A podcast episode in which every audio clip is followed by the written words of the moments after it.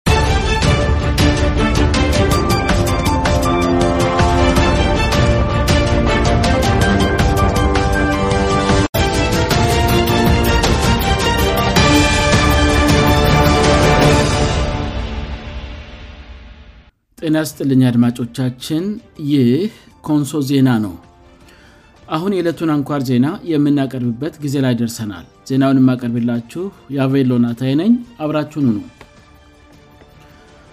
አርስ ዜናዎቹን በማስቀደም የለተሰኘው ሀምሌ 25 ቀን 214 አም አንኳር ዜናዎችን አሰማለሁ የኮንሶ ልማት ማህበር በኮንሶ ዞን የተከሰተውን ድርቅና ረሃብ ማስታገሻ የሚሆን የመጀመሪያ ዙር 224 ኩንታል የምግብ እህል ለግብርና መምሪያ ማስረከቡን አስታወቀ ኮንሶ ዞንን ጨምሮ በደቡብ ክልል የሚገኙ ዞኖችና ልዩ ወረዳዎች በሁለት የተለያዩ ክልሎች ለመደራጀት በምክር ቤቶቻቸው ውሳኔዎችን አሳለፉ በኢትዮጵያ ሰብ እርዳታ የሚያስፈልጋቸው ዜጎች ቁጥር ከ29 ሚሊዮን በላይ መድረሱ ተገለጸ አሜሪካን ጨምሮ አምስት ሀገራት የባህር ላይ ጦርነት ልምምድ ጀመሩ አሁን ዜናውን በዝርዝር አሰማለሁ የኮንሶ ልማት ማህበር በኮንሶ ዞን ለተከሰተው ድርቅና ረሃብ ማስታገሻ የሚሆን የመጀመሪያ ዙር 224 ኩንታል የምግብ እህል ለግብርና መምሪያ ማስረከቡ አስታወቀ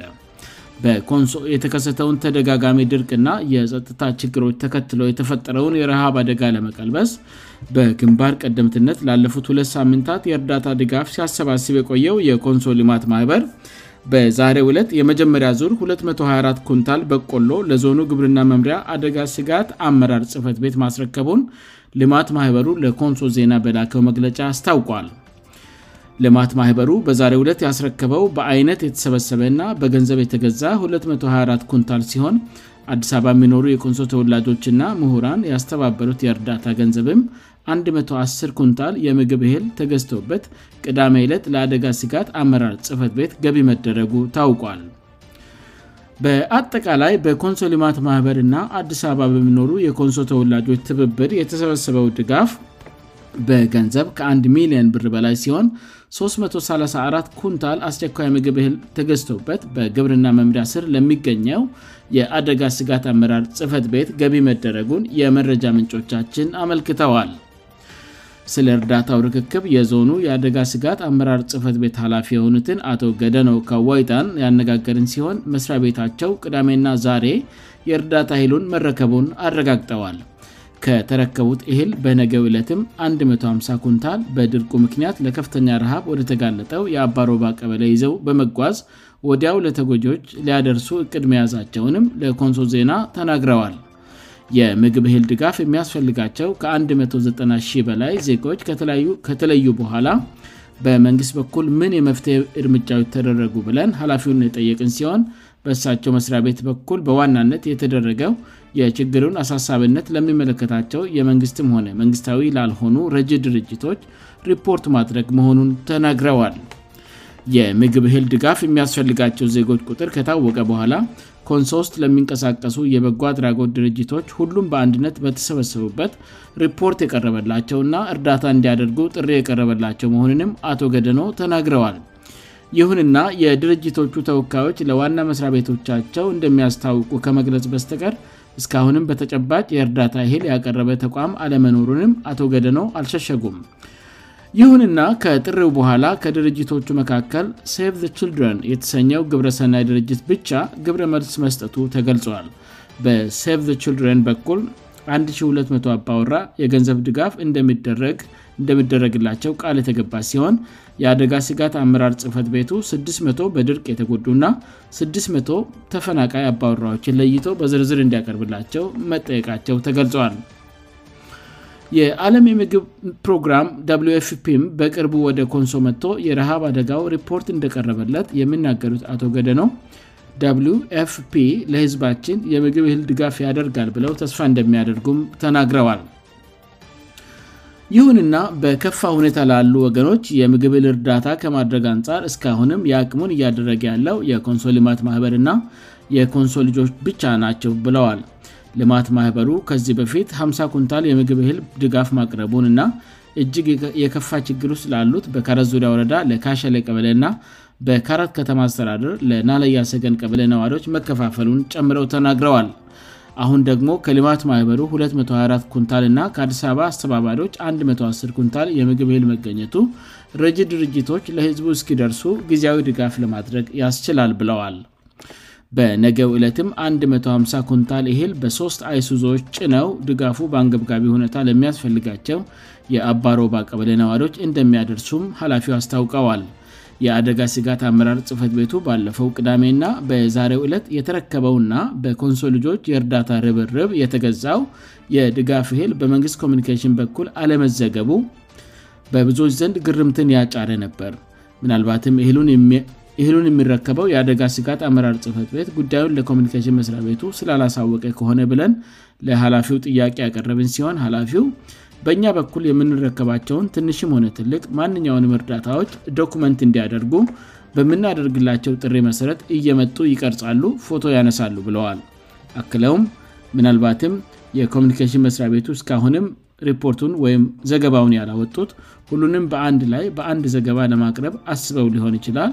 የሁሉም እርዳታ ይህል ርክክቦች መረጃ አላቸው ብለዋል ይህ ኮንሶ ዜና ነው ኮንሶ ዞንን ጨምሮ በደቡብ ክልል የሚገኙ ዞኖችእና ልዩ ወረዳዎች በሁለት የተለያዩ ክልሎች ለመደራጀት በምክር ቤቶቻቸው ውሳኔን አሳለፉ በደቡብ ክልል የሚገኙ ዞኖችና ልዩ ወረዳዎች በሁሉም የተለያዩ ክልሎች አንድ ላይ ይቅርታ ይህናእርት ነገር ይደግመዋለው በደቡብ ክልል የሚገኙ ዞኖችእና ልዩ ወረዳዎች በሁለት የተለያዩ ክልሎች አንድ ላይ ለመደራጀት በምክር ቤቶቻቸው ውሳኔዎችን ማሳለፋቸው ተገለጸ የወላይታ የገድዮ የጋሞ የደቡብ ኦሞ እና የኮንሶ ዞኖች በአዲስ የሚደራጀውን ክልል ለመቀላቀል ቅዳሜ ሐም 23 2014 ዓም ባካሄዱት ጉባኤዎች ወስነዋል የአማሮ ቦርጂ ባስኬቶ ና አሌ ልዩ ወረዳዎችም በምክር ቤቶቻቸው ተመሳሳይ ውሳኔ አጽድቀዋል በዚህም በስድስት ዞኖችና አምስት ልዩ ወረዳዎች የሚደራጀውን አዲስ ክልል ይቀላቀላሉ በሌላ በኩል የሀዲያ የሀላባ ና የከንባታ ጠንባሮ ዞኖች እንዲሁም የየም ልዩ ወረዳ ምክር ቤቶች ከሌሎች ሁለት ዞኖች ጋር በመሆን አንድ የጋራ ክልል ለመመስረት ወስነዋል ቀሪዎቹ ሁለት ዞኖችም የጉራጌና የስልጤ ዞኖች የክልል አደረጃጀቱን ገና በምክር ቤቶቻቸው አላጸደቁም በደቡብ ክልል ያሉት አስራ አንዱም ዞኖች እና ስድስት ልዩ ወረዳዎች ምክር ቤቶች ተመሳሳይ ውሳኔዎች የሚያሳልፉ ከሆነ የደቡብ ብሔር ብሔረሰቦችና ህዝቦች ክልል በሁለት ይከፈላል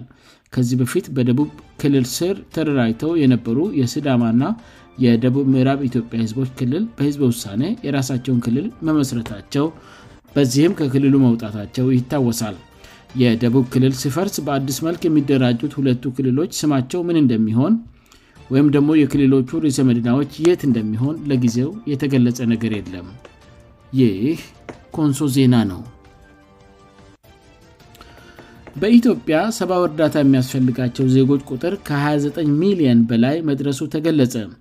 የተባበሩት መንግሥታት ድርጅት የ7ብው እርዳታ ማስተባበሪያ ጽህፈት ቤት በኢትዮጵያ እንደ አውሮፓ አጣጠር በ2022 ብቻ ከ29 ሚሊዮን በላይ ዜጎች 7ው እርዳታ እንደሚያስፈልጋቸው አስታወቀ የማስተባበዳ ጽፈት ቤቱ ምሌ 19 ቀን 2014 ዓም ባወጣው ሪፖርት እን አውሮፓ በ2022 በቀጠለው ግጭት በአየር ንብረት መለወጥ ና ድርቅ በኢትዮጵያ አጠቃላይ ያለው የሰብዊ እርዳታ ፍላጎት በመጨምሩ የአቅርቦች ችግር ከጊዜ ወደ ጊዜ እየተባባሰ መምጣቱን አስታውቋል ሪፖርቱ የሰብዊ እርዳታ ፍላጎት እን አውሮፓ በ2020 ከነበረበት 84 ሚሊየን በ221 ወደ 235 ሚሊዮን ማደጉን እንዲሁም በ222 ደግሞ ወደ 29 ሚሊየን ማሻቀቡን አመላክተል ከእርዳታ ጠባቂዎቹ መካከል ሩብ የሚሆኑ ሴቶችና ህጻናት ናቸው ተብሏል በትግራይ ክልል 91መ ወም 52 ሚሊየን የሚሆኑት ዜጎች አስቸኳይ እርዳታ እንደሚያስፈልጋቸው ከእነዚህም ውስጥ 21 ሚሊዮን የሚሆኑት የአገር ውስጥ ተፈናቃዮች እንደሆኑ በሪፖርቱ ተገልጿል ከመጋቢት ወር መጨረሻ እስከ ሀምሌ 214 ዓም አጋማሽ ድረስ 438 የእርዳታ ለ ጫኑ ተሽከርካሪዎች ከ1 ሚሊ0ን ሊት በላይ ነዳጅ እንዲሁም 52 የጭነት ተሽከርካሪዎች ማዳ በዳጭ ነው ወደ መቀለ እንደተጓዙም ሪፖርቱ ያሳያል በተመሳሳይ በአፋር ክልል በግጭት በድርቅ በገበያ አይጦትና በምግብ ዋጋ መናድ በተለይም በአባላ በበርሃለ በዳሎል በእርብቲ በኮነንባ በመጋላ አካባቢዎች የሰብዊ ቀውሱ መባባሱንና በአሳሳቢ ደረጃ ላይ እንደሚገኝ በሪፖርቱ ተብራድተዋል በአፋር ክልል 200 ዜጎች ተፈናቅለው በካምፕ እንደሚገኙ የተገለጸ ሲሆን አብዛኞቹ አጋቲ እና ዱብቲእና ጋይቦዳ በተባሉ አካባቢዎች ይገኛሉ ተብሏል በሌላ በኩል በአማራ ክልልም ሀም 3 ቀን 214 ዓም በሰመንሸዋ ዞንእና በኦሮሚያ ልዩ ዞኖች በተከሰተ ግጭት 1600 ዜጎች እንደተፈናቀሉ በሪፖርቱ ተጠቅሷል በሶማሌ ክልል በተከሰተው ድርቅ 22 ሚሊየን እንስሳት መሞታቸው በሪፖርቱ የተገለጸ ሲሆን አሁን 22 ሚሊዮን እንስሳት አደጋ እንደተደቀነባቸው ሪፖርቱ አስረድቷዋል የተባበሩት መንግስታት ድርጅት የሰብው እርዳታ ማተባበሪያ ጽፈት ቤት የዓለም ምግብ ድርጅትን ጠቅሶ ያወጣው መረጃ እንደሚያሳየው በድርቅ ክስተት ብቻ 33 ሚሊዮን ዜጎች በኦሮሚያ ክልል 33 ሚሊዮን ዜጎች በሶማሌ ክልል 11 ሚሊየን ዜጎች በደቡብ ክልል እንዲሁም 28 ሚሊየን ዜጎች በሌሎች አካባቢዎች ለረሃብ አደጋ ተጋልጠዋል ይህ ኮንሶ ዜና ነው በመጨረሻም አሜሪካን ጨምሮ አምስት ሀገራት የባህር ላይ ጦርነት ልምምድ ጀመሩ በአሜሪካ ባህርኃይል አስተባባሪነት አምስት ሀገራት በኢንዶኔዥያዋ ሱማትራ ባህር ላይ የጦርነት ልምምድ እያካሄዱ እንደሆነ ሮይተርስ ዘግበዋል በዚህ የባህር ላይ የጦርነት ልምምድ አሜሪካ አውስትራሊያ ኢንዶኔዥያ ሲንጋፖርና የጃፓን ወታደሮች በድምሩ ከአራት 000 በላይ የባህር ላይ ወታደሮች በመሳተፍ ላይ ናቸው ተብሏል ከባህር ላይ ጦርነት ልምምዱ እስያን እየጎበኘች ያለችው የአሜሪካ አፈ ጉባኤ ናንሲ ፖሎሲ ወደ ታይዋን ምድር እንዳይመጡ ማስጠንቀቂያ ከተሰጠ በኋላ እየተካሄደ ይገኛል አሜሪካ በዚህ የባህር ላይ ጦርነት ልምምድ አስመልክቶ እንዳለችው ልምምዱ ማንንም ለማስፈራራት ታስበው የተዘጋጀ አይደለም አላማው የአካባቢውን ሀገራት ትብብር ለማጠናከር ያለመ መሆኑንም አስታውቃለች ይህ የጦርነት ልምምድ ለቀጣዮቹ 14 ቀናት እንደሚቀጥል የተገለጸ ሲሆን ጃፓን በዚህ ልምምድ ላይ ስትካፈል ለመጀመሪያ ጊዜ እንደሆነም ተገልጿል በዚህ ልምምድ ላይ ፈረንሳይ ካናዳ ሂንድ ማሌዥያ እና ደቡብ ኮሪያ ብሪታኒያ ፓፓኒው ጊኒ እና ኢስት ቱመር በድምሩ አምስት ሀገራት ደግሞ በታዛብነት በመሳተፍ ላይ ናቸው ተብሏል ይህ ኮንሶ ዜና ነው አድማጮቻችን ዜናውን ከማብቃት በፊት አርስት ዜናዎችን በድጋሚ ያሰማለው